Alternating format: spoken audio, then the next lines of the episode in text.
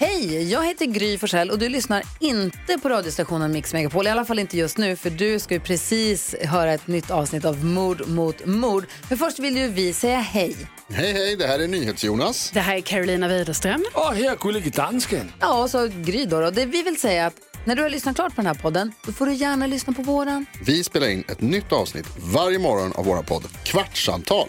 Och hela radioprogrammet blir ju också en podd om man är väldigt morgontrött eller så. Just det, om man missar morgonen ja. Men mest av allt så får du gärna lyssna på programmet i direktsändning varje morgon på Mix Megapol. Live varje morgon från klockan sex och då har vi med oss massor med vänner också. Thomas Bodström, Babben Larsson, Johan Pettersson, Christian Luuk.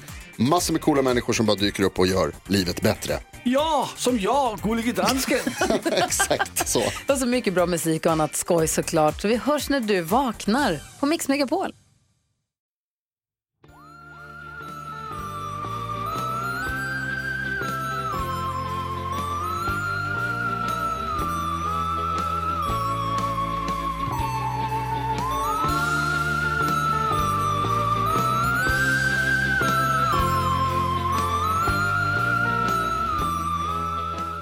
Anna, välkommen till Mord mot mord med Karin Londré och Anna, Anna Sandell. Sandell.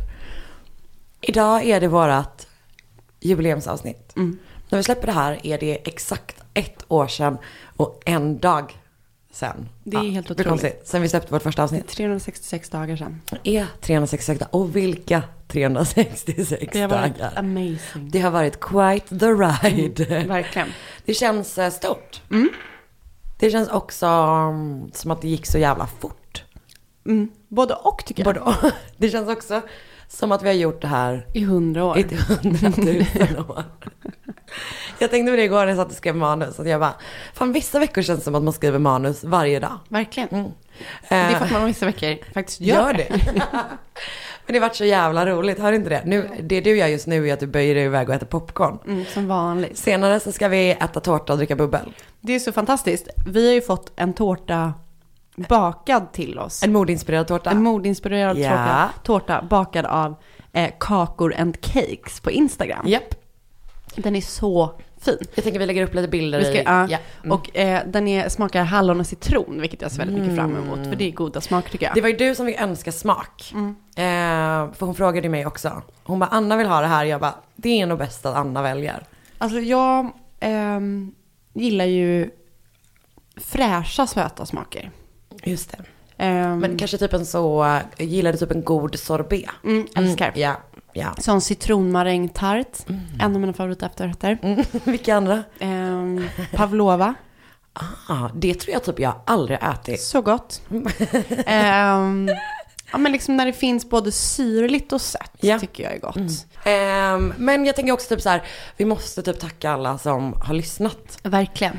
Det är sjukt, det känns, tänk att vissa säkert har varit med från början. Tror du att det är någon som har varit med från början? Ja. Hela vägen? Jag tror det.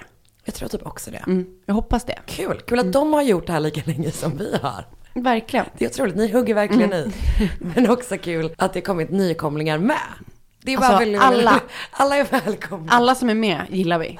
Gud, vi är verkligen så öppna mot våra, våra lyssnare. Välkomna in! Vi tycker jättemycket om er. Verkligen. Och eh, jag minns typ hur det var när vi släppte första avsnittet. Att, eh, för jag var ändå så här, jag var inställd på att ingen skulle lyssna. 100 procent. Att man bara, okej men jag tänkte, jag tyckte till och med att det var lite skönt. Att man bara, vi kommer kunna släppa några avsnitt innan en endaste person börjar lyssna. Så vi kan typ hitta vårt goa tugg. Ja. Eh, gud, så sa jag Som vi har gjort inte. nu. Verkligen. Det här goa snacket.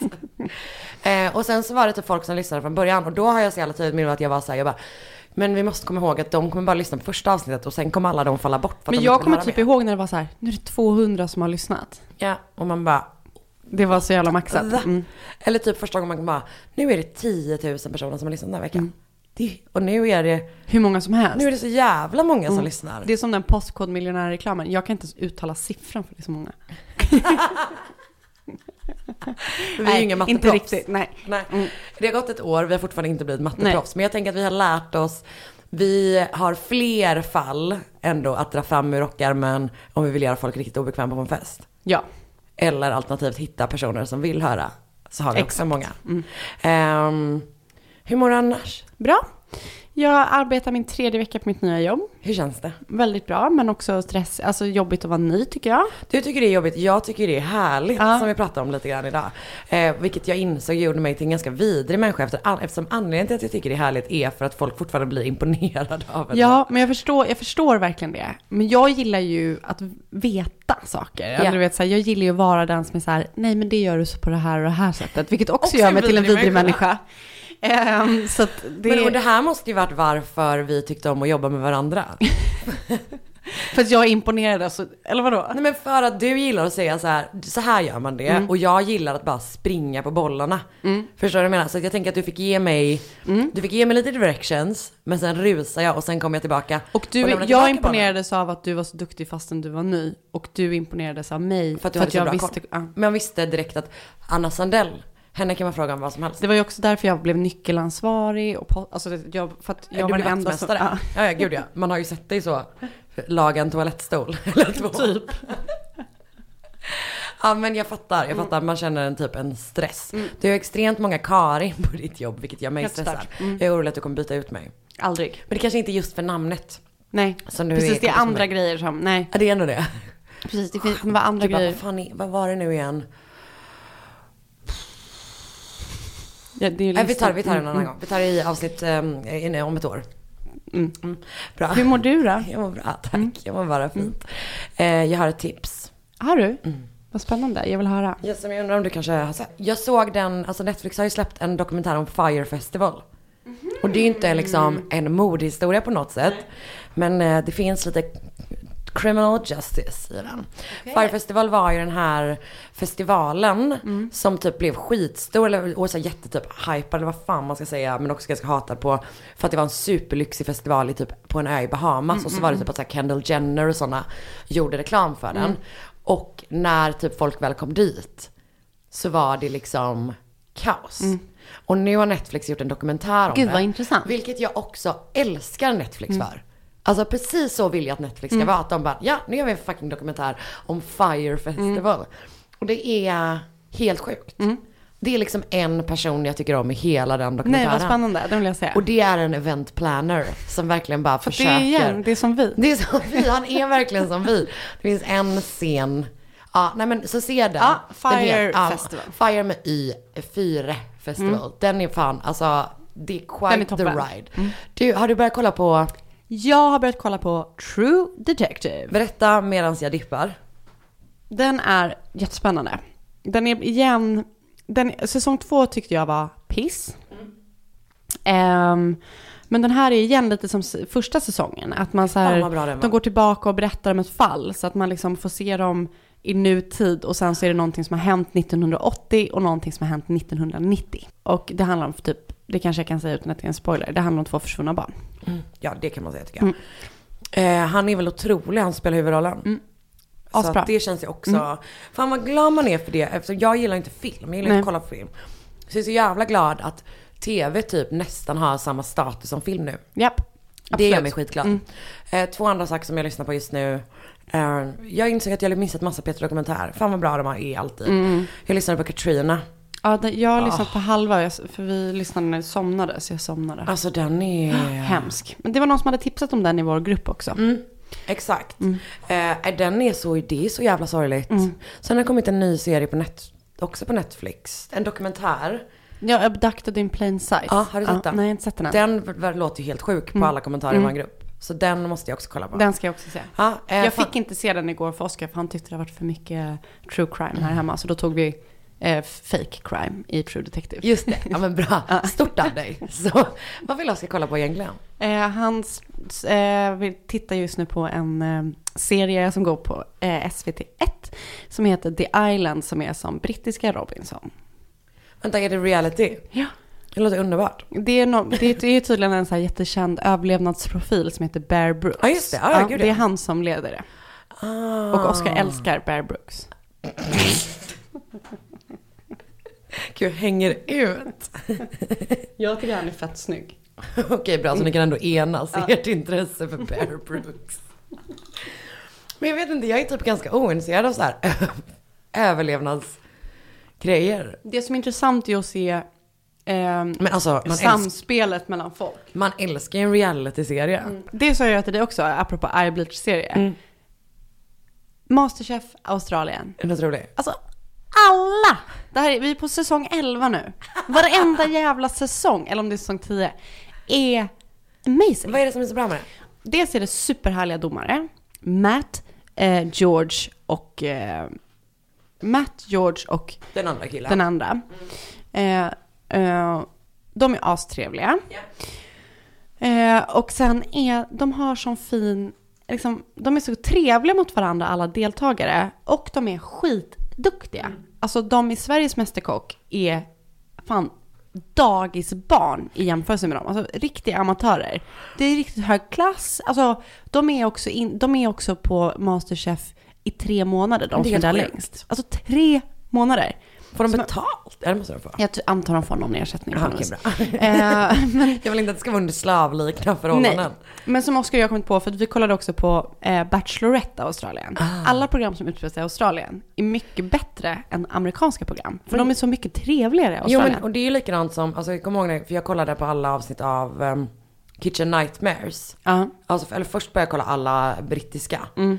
Och sen kolla alla amerikanska. Och det är ju ändå samma snubbe, så det är ju Gordon Ramsay som leder båda Mm. två.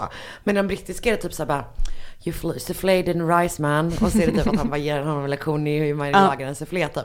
Medan i uh, USA så är det bara så Burn all the furnitures! och verkligen. så ordnar de en stor brasa typ. Men jag gillar, jag gillar Australien bättre än alla engelska program för att det är lite mera eh, härligt. Just alltså Masterchef England är ju Är det deppigt? Det är så deppigt alltså, det går inte att kolla på.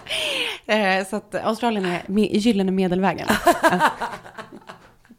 Och det var TV-guiden med. A. Sandell. ja. Ett poddtips från Podplay. I fallen jag aldrig glömmer djupdyker Hasse Aro i arbetet bakom några av Sveriges mest uppseendeväckande brottsutredningar. Går vi in med hemlig telefonavlyssning och, och då upplever vi att vi får en total förändring av hans beteende. Vad är det som händer nu? Vem är det som läcker? Och så säger han att jag är kriminell, jag har varit kriminell i hela mitt liv men att mörda ett barn, där går min gräns. Nya säsongen av Fallen jag aldrig glömmer på Podplay.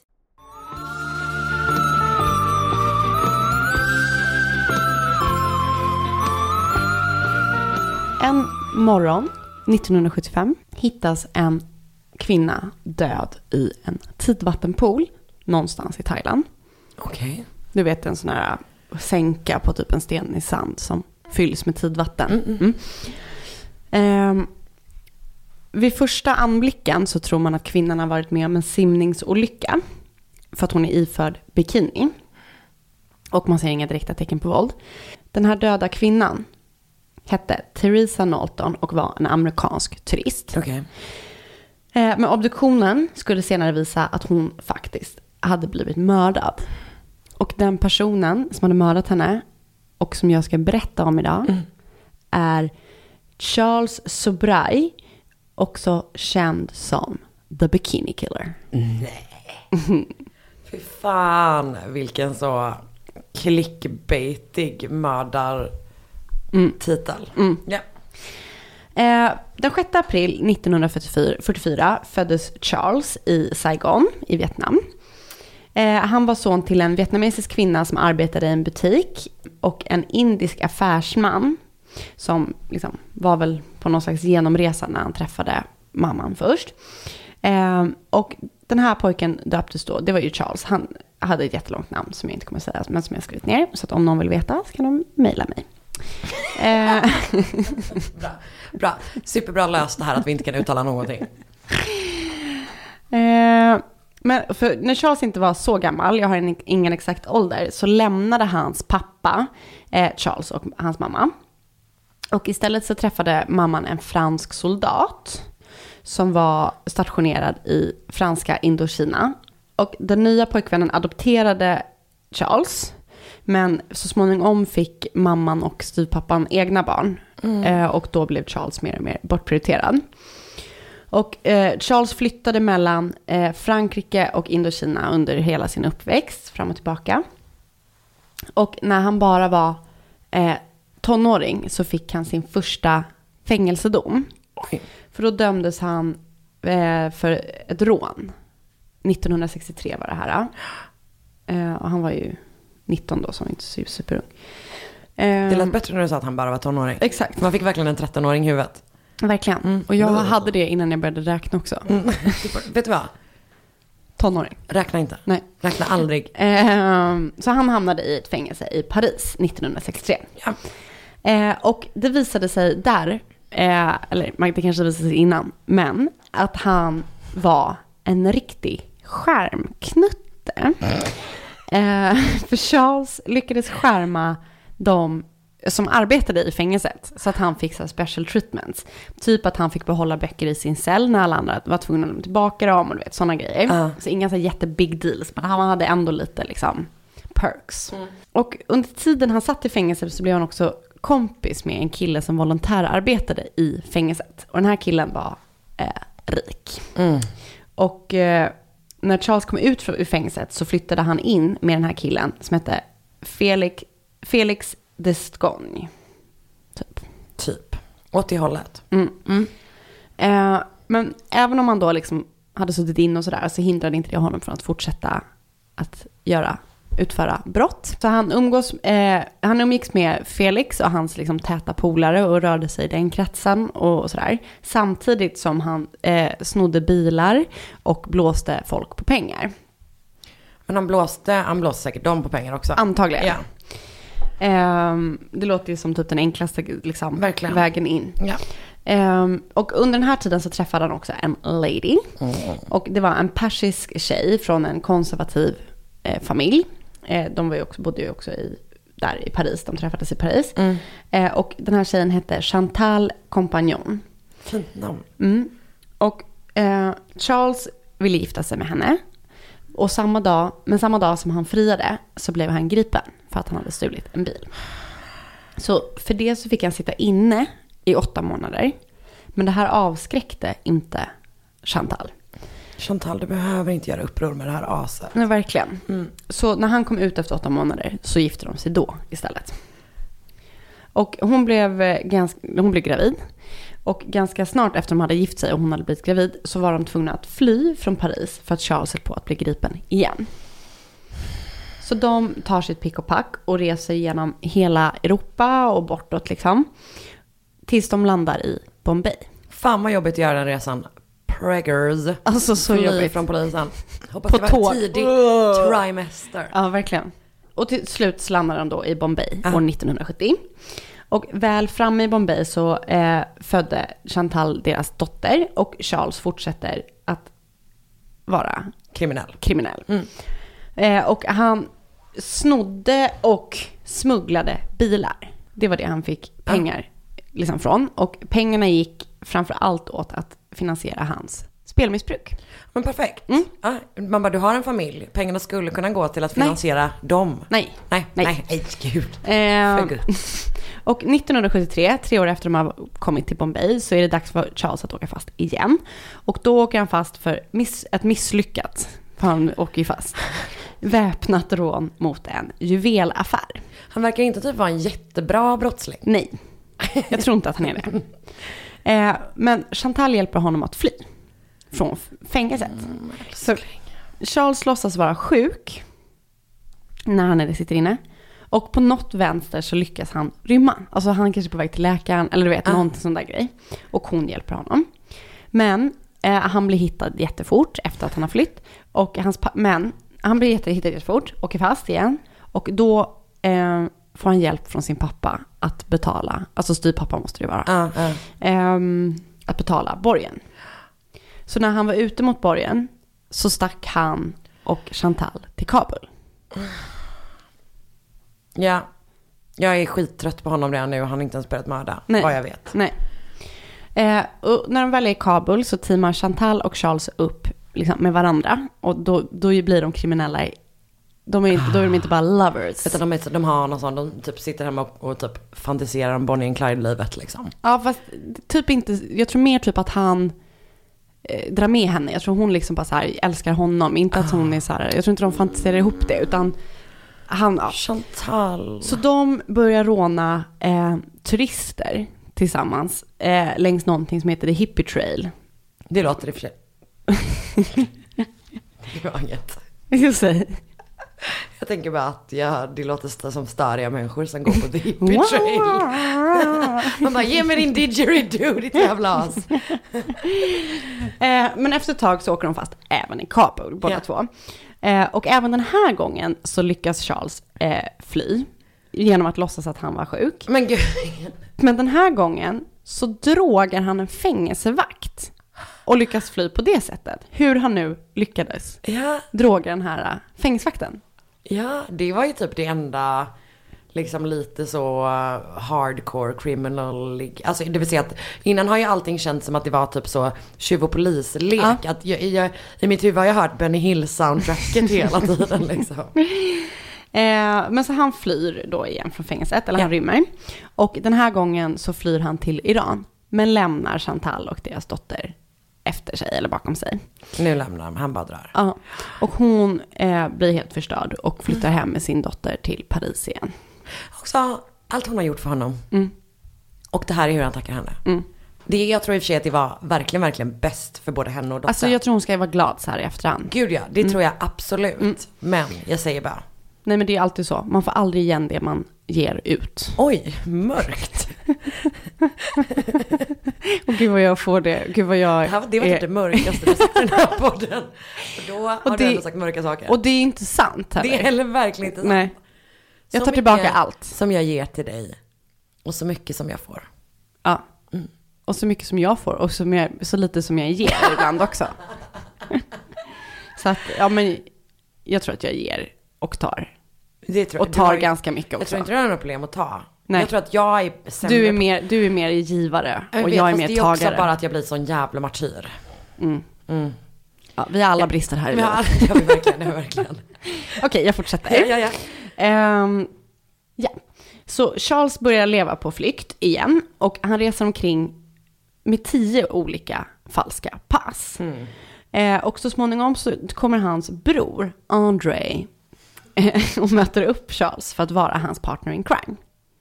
Han ja, skaffar sig en ny. Precis. Han gillar att jobba i team. Så eh, när de har teamat upp, vad händer då? Jo, detta. Charles största målgrupp att targeta var lätta, jag hoppade över ett ord, var turister. För de var lätta offer. Det, var inte, det var inte ett ord. Eh, och för att få dem, liksom, för att bli polare med dem och få dem att bli intresserade så låtsades han antingen vara en ädelstensförsäljare. Ibland så låtsades han vara en knarklangare. Eh, och ibland så låtsades han vara a rich entrepreneur. Ja, kul. Alla de här var störiga. Ja. Eh, men jag var, trodde att du var på väg att säga att han låtsades vara en ädelsten. att han bara låtsades. Turister älskar ädelstenar. Ja. När han blivit kompis med turisterna, eh, han hjälpte dem liksom ur, ofta ur så här knepiga situationer. Så han bara, men jag känner den, jag kan hjälpa dig och du vet, bla bla bla så här. Och när de liksom litade på honom och tyckte att han var Mr. Nice Guy, så snodde han deras pass eh, och pl- plånböcker. Och vid ett tillfälle så hjälpte han en man som var sjuk och liksom mådde piss verkligen. Eh, och i själva verket så var det Charles som hade förgiftat mannen. Och ehm, Och så fick han låtsas som att han hjälpte honom. hjä- hjälpte honom och samtidigt så snodde han hans tillbehörigheter. Tillhörigheter. Så han var ju ganska fittig liksom. Nej, inte det. Det får man ändå lov att säga. Att han var fan rätt jävla fittig.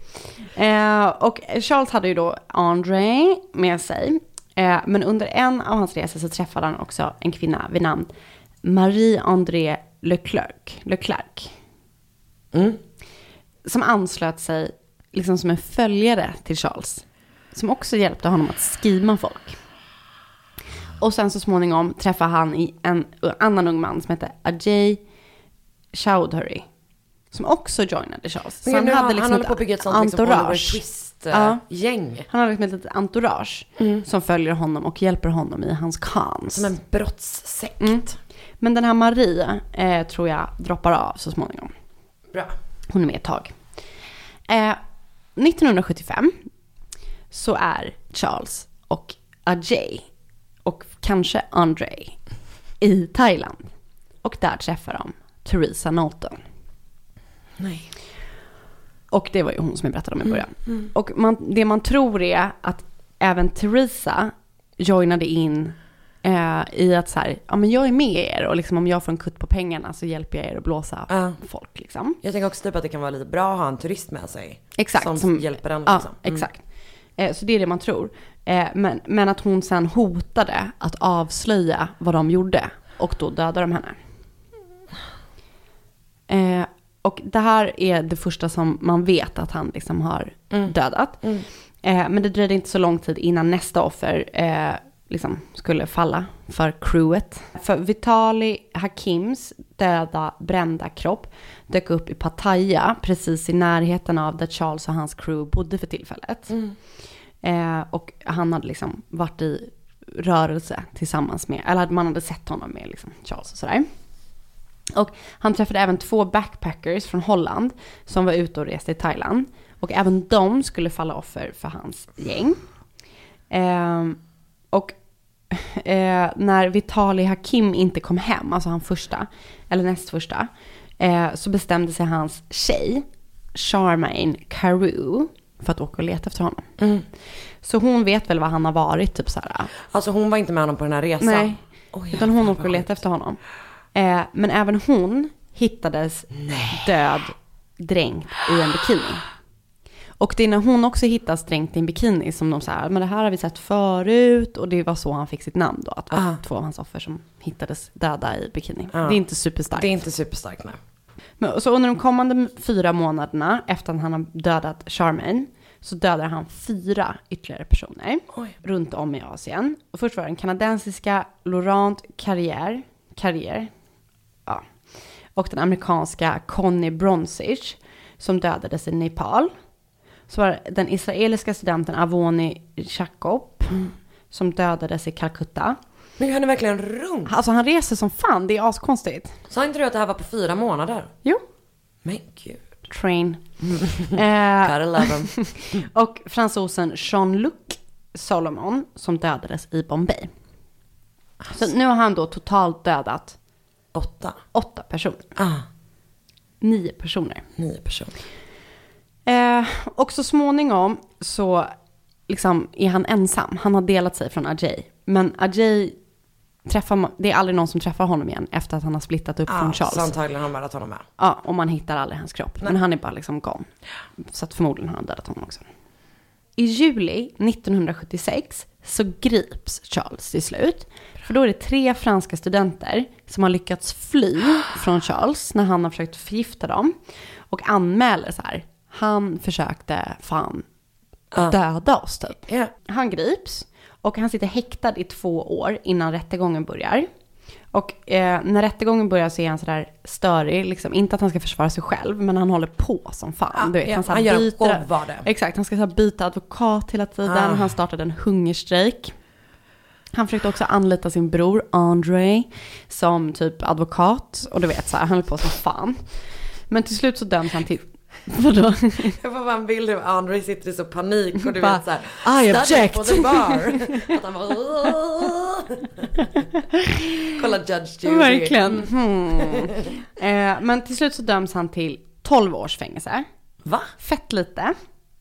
Eh, Det är ju helt sjukt. ja, det är så lite. Men för jag tror att det finns inte bevis. Nej men han är kanske dömd för ett fall. Exakt. Även då är det ju sjukt lite. Ja. Men, ja.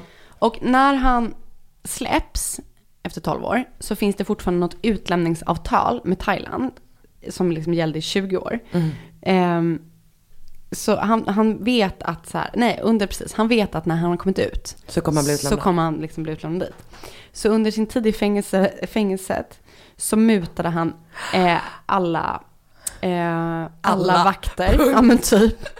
Eh, och levde så här väldigt gott liv. Alltså du vet, han hade det soft där. Starkt. Så 1986, eh, när han har suttit då åtta år i fängelse, så arrangerar Charles en fest i fängelset. Och, Gud, han är liksom the event planner. ja, eh, och under festen så drogar han flera andra fångar och fångvaktarna så att han kan fly. Nej, du skojar. I lugn och ro därifrån. Det här är så intressant. Det är så konstigt. Ja. Men eh, han flyr, men han fångas ganska snabbt igen. Bra. och så, så till, tvingas han då att tillbringa tio år till i fängelse Okej. i Indien. Ja, ja. Ja, för Eh, flyktförsöket också. så. Exakt. Mm. Eh, Så den 17 februari 1997 så friges han eh, från fängelset där i Indien. Och då lämnas han ut till Frankrike. Inte till Thailand. Nej, för det här har ju passerat då. Just- så just- just han det. visste att så här, okej, jag kommer, om jag kommer ut efter 12 så kommer jag behöva sitta i Thailand. Ah. Så då försökte han fly. Och istället fick han Okej, sitta... men även, alltså det funkade ju ändå. Även fast han fick sitta kvar tio år visserligen. Han men satt, slapp han ju åka till Thailand. Ja, exakt. Det vill man ju verkligen inte göra. Nej, men man undrar hur indiska fängelsen är. Jag har ingen aning. Nej, inte jag heller. Bra. och då när han kommer ut 97 så lämnas han ut till Frankrike. Och när han var tillbaka i Paris så anlitar han en publicity agent. Men- Som fixar så här intervjuer och massa gig Ah. till honom. Så att han liksom får berätta sin historia. Och han tog rejält bra betalt för det. Det här kommer hända mig snart. Snart kommer en mördare ringa mig och vill att jag ska börja jobba med PR för dem. Gud. Nej, tack. Nej. Eh, men han ska tydligen, eh, och han ska tydligen ha krävt så här 15 miljoner dollar för att göra en film av hans liv. Vilket jag tror typ finns. Det finns i alla fall massa böcker.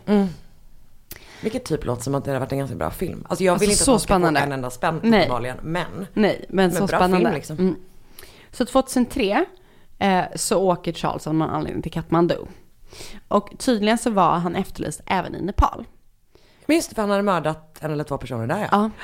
Ehm, och när han är i Kathmandu så är det en journalist som ser honom och känner igen honom och anmäler honom till polisen. Så han blir häktad i Nepal och blir åtalad för morden på Laurent och Connie som då blev mördade 30 år tidigare i Nepal. Fan vad gött. Ja. Och för det så döms han till livstidsfängelse.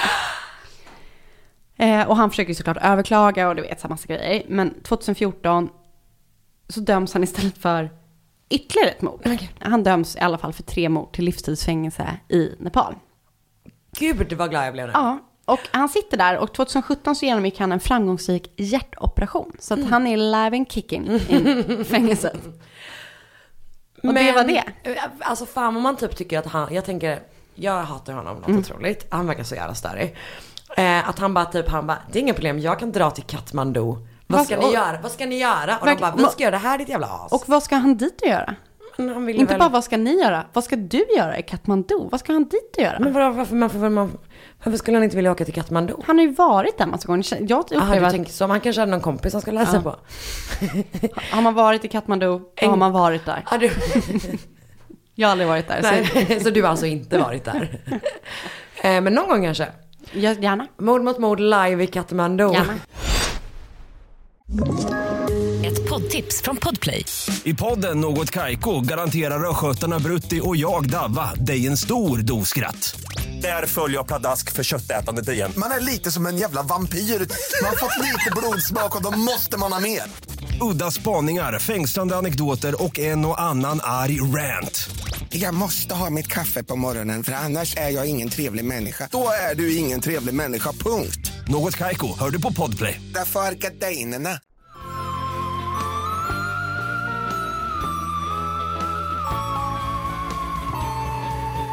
En kall morgon. I december 1996 så följer Rita Kemper med en bekant som kallas Tiny med hem till honom då. Ehm, De har träffats på en bar i Baltimore och eh, jag vet inte riktigt om det är oklart att, de, att hon följer med honom, eller jag vet inte riktigt om det, det är oklart eh, om hon följer med honom hem för att de ska ha sex för att hon är sexarbetare. Eller om det bara är så att de kommer överens om att de ska typ så fortsätta festa. Eh, det är väldigt mycket, det kommer vara mycket oklarheter i det här fallet, som alla älskar. Ehm, men eh, ja, du vet så här, hon är sexarbetare, varför det är mycket möjligt att media bara har förutsatt det. Typ så. Men det sägs, jag läste någon annanstans att de är kompisar. Och Jag fattar. Typ, så, de är ganska knarkiga och festiga båda två också. Så. Ehm, Tiny bor då i en husvagn på typ ett industriområde. Visar det sig. Han har liksom nycklar till det här området. Han låser upp port, porten när de kör in och hon, hon kommer liksom i hans bil. Och låser när de har kört in liksom. Ehm, och, men allting så här verkar lugnt liksom. Hon, som sagt, hon känner honom. Men så fort Rita då kommit in i husvagnen så kastar han sig över henne.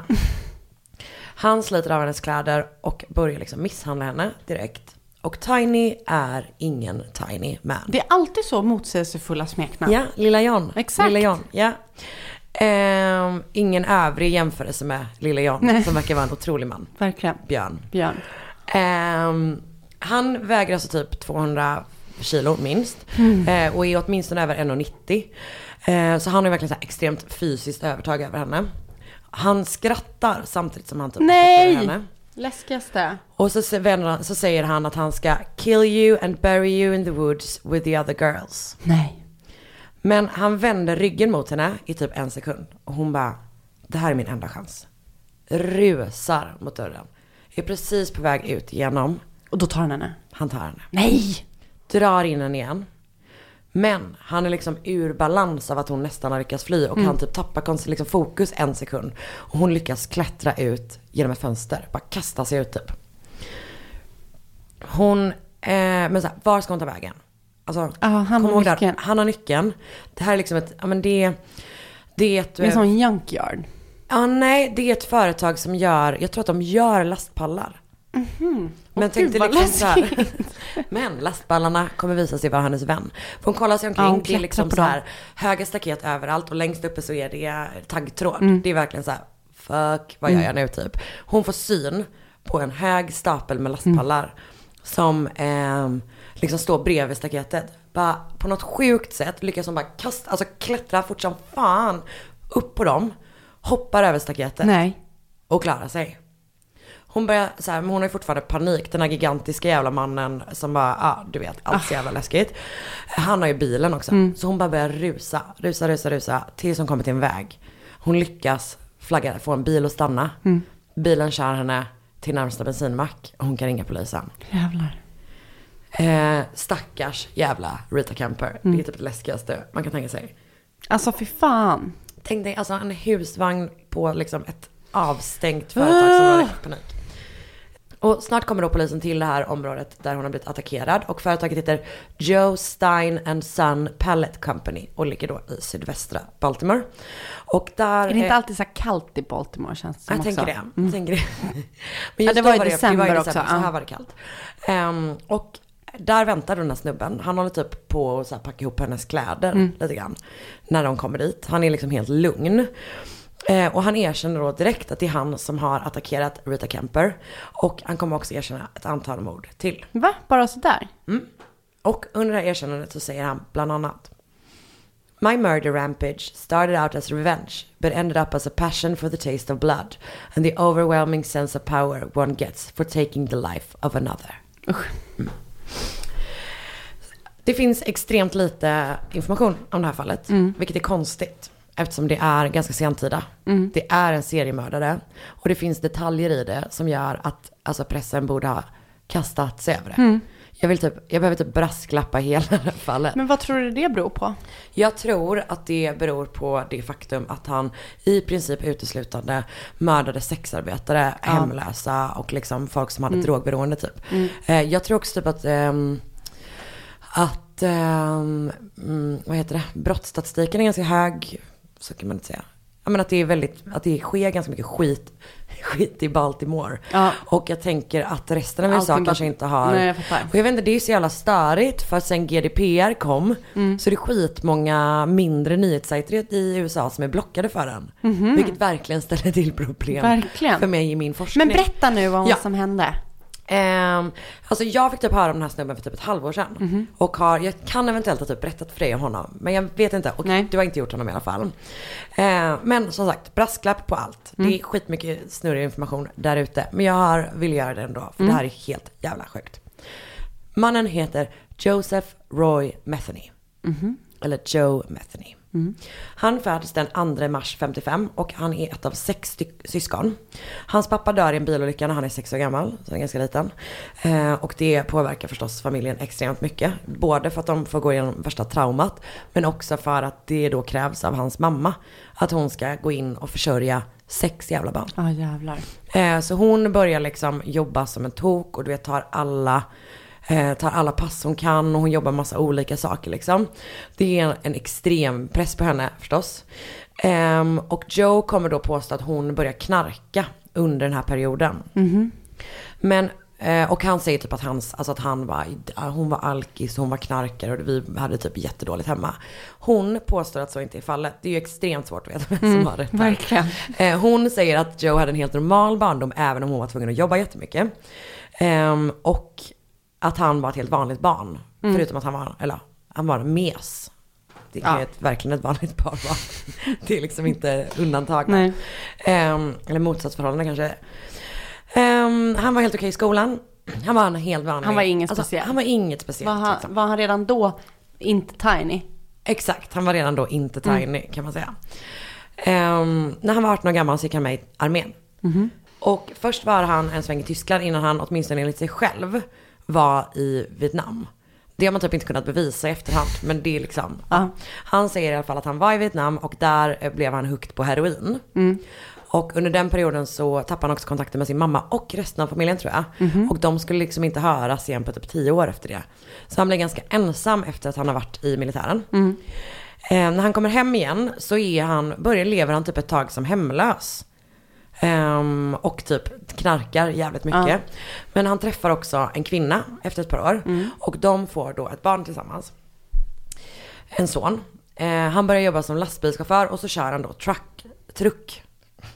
På den här, när jag tänker efter, det kanske är så att han inte alls kör lastbil, lastbil utan Han att kanske det är bara truckchaufför. att han är truck, ja exakt. Mm. För jag har tänkt att han också kör truck. Truckförare, ja. Exakt, jag tror Mm. att han är truckförare då på det här Joe Stein, Stein and Son stället Mm. som han bor på sen. Han åker typ också fast för så här knark och lite sånt under den här perioden liksom. Och eh, en kväll i juli 94 så kommer Joe hem sent från jobbet. ehm, från, ja, som truckförare som han då tydligen är. Ehm, och när han öppnar dörren hem till det här hemmet han delar då med sin fru, eller sin tjejen han är ihop med i alla fall, och deras eh, sexåriga son. Så inser han att det är mörkt, eh, alla hennes grejer är borta, Mhm. alla sonens grejer är borta. Och de har liksom lämnat. De har dragit. Ja, de har dragit. Och jag vet inte varför hon har gjort det. Med tanke på de sakerna han kommer göra senare. Så är han kanske inte en svinbra farsa Nej. eller man typ. Men det, jag har inte hittat någon info från hennes Nej. perspektiv eller så. Ehm, men under ett halvårs tid så letar Joe, då Joe jätteintensivt efter liksom sin, den här tjejen och även sitt, sin son. Framförallt så letar han efter sin son. Han säger typ sen att han bara, jag brydde mig inte om henne. Mm. Du vet verkligen så bara, I hate that bitch. Mm. Men han vill ha sin son. Och han frågar folk hela tiden bara så här, har ni sett dem? Bla, bla, bla, bla. Och till slut så får han då reda på att hon har tagit med sonen och flyttat till en, en annan man. Som bor på andra sidan stan. Mhm. Och den här mannen tvingar då henne att eh, prostituera sig för att, eh, för knark. För att de båda två Usch, knarkar hemskt. supermycket. Och då är det tydligen att han tvingar ut henne på gatan liksom. Ehm, och de åker fast, det här paret då, ehm, Joes ex och hans, hennes nya snubbe. Eh, för, jag vet inte om det är för knark eller om det är för liksom eh, prostitutionsgrejen Mm. typ. Eller vad det är. Men eh, det gör att de förlorar barnet. Mhm. Och Joe blir typ rasande också för att han inser att så här, jag kan inte få tillbaka min son Nej. eftersom jag är dömd. Liksom. Som sagt, han har lite så här olika domar mot sig då. Så han bestämmer sig då för att göra något eh, helt annat för att ordna upp den här situationen. Han bestämmer sig för att hämnas på sitt ex. Mm, och hennes nya man då Mm. för att de har förlorat eh, hans son. Mm. Ehm, och man kan bara känna typ att i allmänhet så var det kanske bra att det här barnet slapp vara med någon av de här jävla dårarna. Mm. För att ja, alla är liksom galna. Joe får då reda på att hans ex och den här nya snubben brukar hänga under en bro. Där två män bor. För de brukar eh, knarka tillsammans med de här två snubbarna. Så han bestämmer sig då för att gå dit och leta efter dem. Och han tar med sig en yxa. Nej. När han kommer dit så är hans ex och den här mannen inte kvar där. Men de här två männen som bor under bron Mm. ligger och sover på varsin madrass. Och han attackerar dem med yxan medan de ligger och sover. Och slår dem verkligen sönder och samman. Fy fan. Eh, ordet som jag läst är chop them up. Nej. Orden. Men han nöjer sig inte med det. För snart får han syn på en kvinna. Som jobbar som sexarbetare i området. Och han bestämmer sig då för att erbjuda henne droger. För att han hoppas på att få ut mer information om att hon vet om vart hans Mm. ex är typ. Men när, så han ger henne droger så hon blir hög och sen så börjar han fråga ut henne och hon bara jag vet typ, jag vet verkligen inte vad du pratar om typ. Och då tappar han det. Mm. Börjar misshandla henne, våldtar henne och sen slår han ihjäl henne. Han slänger henne i en buske. Sen kommer en till kvinna. Som också är sexarbetare. Som han gör exakt samma Men sak vad fan? igen. Och när han står och ska slänga hennes kropp på samma ställe. Så inser han, för det är precis vid en flod. Mm. Då inser han att det står en man och fiskar. Och du vet att hans båt har typ glidit upp så. Mm. Så han har sett honom med den här kroppen. Mhm. Då bestämmer han sig för att attackera den snubben med. Men gud. Och eh, typ hittar något järnrör. Så på en kväll så mördade han fem personer? På sju timmar, fem personer. Jävlar. Ja, det är så jävla jävla sjukt. Jo, men sen tynger, tynger han då ner de två kvinnornas kroppar och fiskarens kroppar, kroppar och slänger dem i den här floden. Mhm. De kommer aldrig hittas igen. Nej. Och jag önskar verkligen att jag hade fler namn på de här personerna. Mm. Det finns typ ingenstans. Nej. Och det beror delvis på att han, jag tror att han inte vet om Mm, vad de nej. heter. Nej, precis. Och man har då inte hittat några kroppar liksom. Men han kommer bli åtalad för morden på de här två männen som låg och sov där. Mm. Och de heter, vad jag kunnat hitta, Randall Brewer och Randy Pike. Ehm, under den här perioden, och här är det snurrigt med hur det rapporteras. Men under den här perioden så ska han också ha mördat Tony Lynn Ingracia. Hon är 28 år gammal och 39-åriga Kathy Ann Magaziner. Mm. Och de försvinner 94 och fallen kommer vara ouppklarade tills han då åker fast Mhm. två år senare för den här Mm. attacken, attacken på Rita Kemper. Och då kommer han typ visa eh, åtminst, eh, polisen tycker åtminstone Kathy Anns kropp.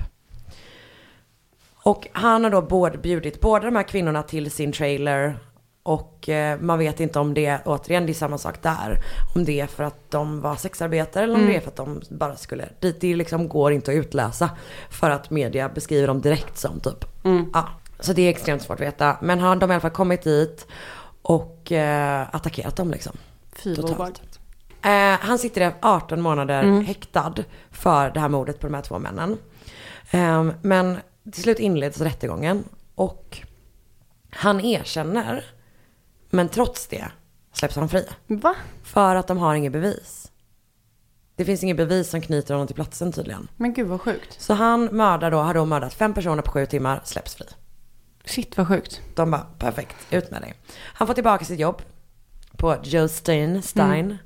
Och eh, erbjuder sig då att flytta in i en husvagn på det här området för att liksom hålla lite koll. Mm. Och chefen bara, superbra. Vilken, eh, vilken, vad heter det, trofast Alltså, anställd. Han är liksom vakt också.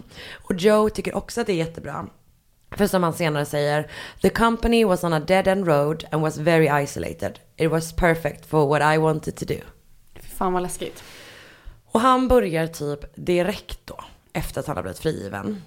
För den 11 november 95 får Joe med sig 23-åriga åriga Kimberly Spicer hem. De har träffats på en mexikansk restaurang som han brukar gå till, han är som stammis där. Och man tror då att hon följer med honom för att han är, hon är sexarbetare, att de Mm. har kommit överens om det. Men i husvagnen så knivhugger han henne i ansiktet, halsen och ryggen. Och man kommer senare in, eller kunna eh, liksom klargöra att han har då ofred, ofredat henne på flera olika sätt. Eh, och man tror att han har gjort det både innan och efter döden. Nej. Kort efter att han mördat Kimberly så mördar han ytterligare en kvinna. Men jag hittar inte namnet på henne någonstans liksom. Och jag tror att media blandar ihop henne med Kathy Ann Mhm, Magaziner mm. som mördades då 94. Men jag har typ kollat lite court documents och sånt och det är ju verkligen, det står verkligen att hon försvann 94. Mm. Så det verkar inte vara hon. Och om man kollar på hur många han senare erkänner så känns det som att det behövs Mm. en till liksom.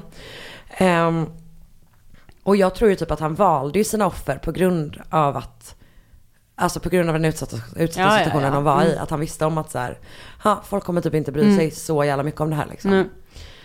Det som är klart är att efter att han har mördat Kimberly och den här andra kvinnan så styckar han deras kroppar. Och de liksom bitarna som är mer kött, om man säger, eh, lägger han i Tupperware förpackningar och fryser in. Och sen resten gräver han ner liksom massor av mindre hål i det här området. Lägger typ någon under någon annan trailer, några under, alltså kroppsdelar under eh, de här liksom, vad heter det, eh, lastpallarna Ja. och sådär. Så han sprider liksom ut dem. Och sen öppnar han då ett litet barbecue stand. Nej. Ut, vid, ut med motorvägen. Ja, ah, men ja, det är det här nu känner jag igen. Och där säljer han då liksom lite mackor och sådär som man grillar stående vid motorvägen. Vilket man bara så till att börja med. Jag ska visa en bild på honom sen. Mm. Det är alltså den läskigaste personen Mm. jag någonsin har sett. Och han står och grillar vid motorvägen. Alltså jag säger verkligen, jag ska inte victimblama de som råkade äta de här mackorna. Men, men jag hade inte Don't köpt do en, it. alltså jag hade inte köpt en macka av honom, är allt jag säger. Plus att det här man bara vill, alltså att det bara är vid motorvägen, ah, skitsamma. Eh, ja, så det han gör är då att han plockar upp de här Tupperware-lådorna och blandar då ut det köttet med fläskkött. Fy fan vad äckligt. Ehm, och han kommer senare då beskriva det som att han mixed it with special meat. Och menar då att det, man inte kan känna någon skillnad eftersom människa smakar som Fy fläsk. fan vad äckligt. Fy fan vad äckligt. Så man har liksom Ah. aldrig kommit fram till att han åt själv. Men han säger att han vet hur det smakar. Så, Mm. mm, I don't know man. Ehm, men snart har han då sålt ut alla sina mackor. Mm. Och behöver hitta mer special meat och sälja vid motorvägen. Och det är då, det, då ger han sig ut på jakt igen. Och det är då han sätter på Rita Kemper. Mhm. Och måste då stänga sin superäckliga pop-up restaurang. Ehm, och han kommer då dömas till livstidsfängelse för mordet på Kimberly Spicer. Fem, eh, 50 års fängelse för attacken på Rita Kemper. Och initialt så döms han till döden för mordet på Kathy Ann Magazine, eh, Magaziner. Men det omvandlas till livstidsfängelse, vilket verkar, och det här låter helt sjukt, ha att göra med att han är först har dömts för både rån och mord på, på Kathy Ann Magaziner, att man hittar hennes grejer någon annanstans, Ja, man ska okej. ha tagit dem Mm. från kroppen. Men sen så kommer man, alltså i nästa instans, så kommer man då fram till att det inte går att styrka rån. Och då plockar man dödsstraffet från bordet typ. Konstigt. Ja, ja verk, det är väldigt märkligt. Men om det är något man absolut inte förstår här i livet så är det ju amerikansk eh, juridik. Ja, nej. Det är verkligen sant. Svenskt däremot. Ehm, och så, så, så trots att han då själv säger att han mer gärna skulle ge upp sitt liv för det har gjort så att Gud kan döma honom till en evighet i helvetet. Snark. Så eh, omvandlas då hans eh, dödsstraff. Så han döms alltså bara för två mord och en kidnappning. Eh, det Är säga det inte värre att sitta livstid att, än dödsstraff? Jo men det är därför han ville ha, Ja. han ville ha dödsstraff liksom. Ja, ja, du menar så att man typ, ja, jag fattar. Ja, skitsamma. Det finns många anledningar att tycka att dödsstraff är piss. Alltså men- jag tycker det är piss, men jag Ja, menar nej, egentligen jag- så, jag hade hellre... Alltså jag jag tycker det verkar fruktansvärt att sitta inlåst i 70 år. Ja, ja, alltså. ja, gud ja. Men jag undrar typ om det, jag tänker att det bara är något så um, alltså, um, primalt i människan. Att man bara, jag ska bara va, fortsätta vara vid liv. Ja. Gud ja, liksom så, säkert. Mm, förlåt. Eh, Instick. Okej. Mm. Ehm, men så han döms då bara för två mord och kidnappningen, alltså den här Mm. attacken på Rita. Men han säger själv att han har mördat tio. Ehm, men nio verkar vara det som man ändå så här är rätt överens om att han har, har mördat. Så det är fem under bron. Det är så sjukt. Mm. Den kvällen. Mm. De två han dömdes för. Det där hade kunnat vara att du pratade om klubben under bron i Mm. Stockholm. Jag var till klockan fem på Underbron den kvällen, helt sjukt. Alla var där. Länge sedan man var på under bron. Ja. Fan, vi kanske borde ta en riktig Vi borde gå jävla ut någon kväll. stökig Ja. utekväll du och jag. Själva. Så jävla kul. Ja, gud vad roligt det är. Fem personer under bron. Mm. De två han dömdes för. Den här Tony som var 94 Mm. och så den här kvinnan som jag inte hittar namnet på, Ja. 96.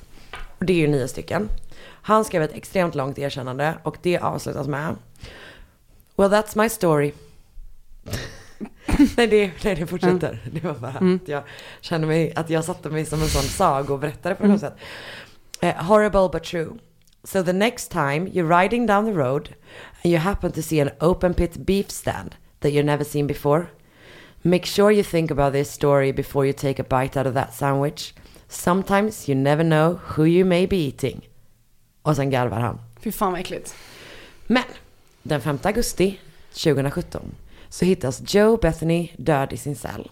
Och myndigheterna har aldrig gått ut med hur han dog. Mhm. Och nu måste jag bara visa dig en jättesnabb bild på honom.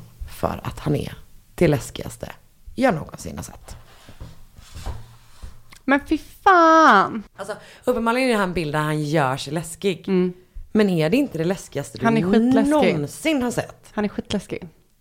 Alltså han gör en, han ser ut som att han är, du vet om Insane Clown Posse. Han ser ut som att han skulle kunna vara deras asläskig. roddare. Mm. Fast liksom riktigt ond. Usch, han är så Vad jävla läskig. obehagligt. Nu kommer jag inte ens vilja äta korv på Statoil. Men vilken tur att vi har köpt halloumi. Verkligen. Ja, men det där var Joe Metheny. Och det, som sagt, det är verkligen sjukt att det inte finns mer än det fallet. För att visst är det ett sånt fall Ja, som gud, så här, han finnas hur mycket som serverade helst. kött, alltså hur mycket som helst och verkligen ordentligt. Tidslinje, allting. Inte ens på Murderpedia finns, alltså inte ens där Nej. liksom. Det är jättekonstigt. Det var väldigt spännande. Ja men tack snälla. Tårta va? Det är fantastiskt. Tårta i livet. Det här var också, jag gillar ju verkligen inte all tårta. Nej. Men den här var perfekt för det var, sån, det var så tunn, tunn sockerkaksbotten. För det är typ det jag inte riktigt gillar. Mm, du gillar inte den kakiga biten av Nej. liksom. Nej jag fattar. Och sen var det Citron. citron, Mm, maräng, sån italiensk maräng. Ja, det var så jäkla gott. Mm, ja, mycket bra. Det var vi värda. Att vi Det var- tackar för det, Tack kakor snälla. and cakes på Instagram. verkligen, gulle, så gulligt. Um, Okej, ehm, tack för det här året. Verkligen. Tack Anna. Tack Karin Tack och tack till- alla lyssnare. Ja, vi tycker väldigt mycket om er och vi är väldigt glada för att det är ni som Det är så lyssnar. otroligt härligt. Ja. Ehm, Vi hörs om en vecka vi igen. hörs om en vecka igen. Men gå med innan dess så går ni med i vår eh. Facebookgrupp som heter Mord mot mord podcast. Och så kan ni följa oss på Instagram där ni får skicka eh, massa tips på DM. Mm, där heter du att Sandell Anna, jag Mm. heter att Karin Londre. Precis. Um, något mer? Nej. Men bara tack så jättemycket. Ät mer tårta. Ät mer tår- tårta. Ett poddtips från Podplay. I podden Något Kaiko garanterar östgötarna Brutti och jag, Davva, dig en stor dos skratt. Där följer jag pladask för köttätandet igen. Man är lite som en jävla vampyr. Man har fått lite blodsmak och då måste man ha mer.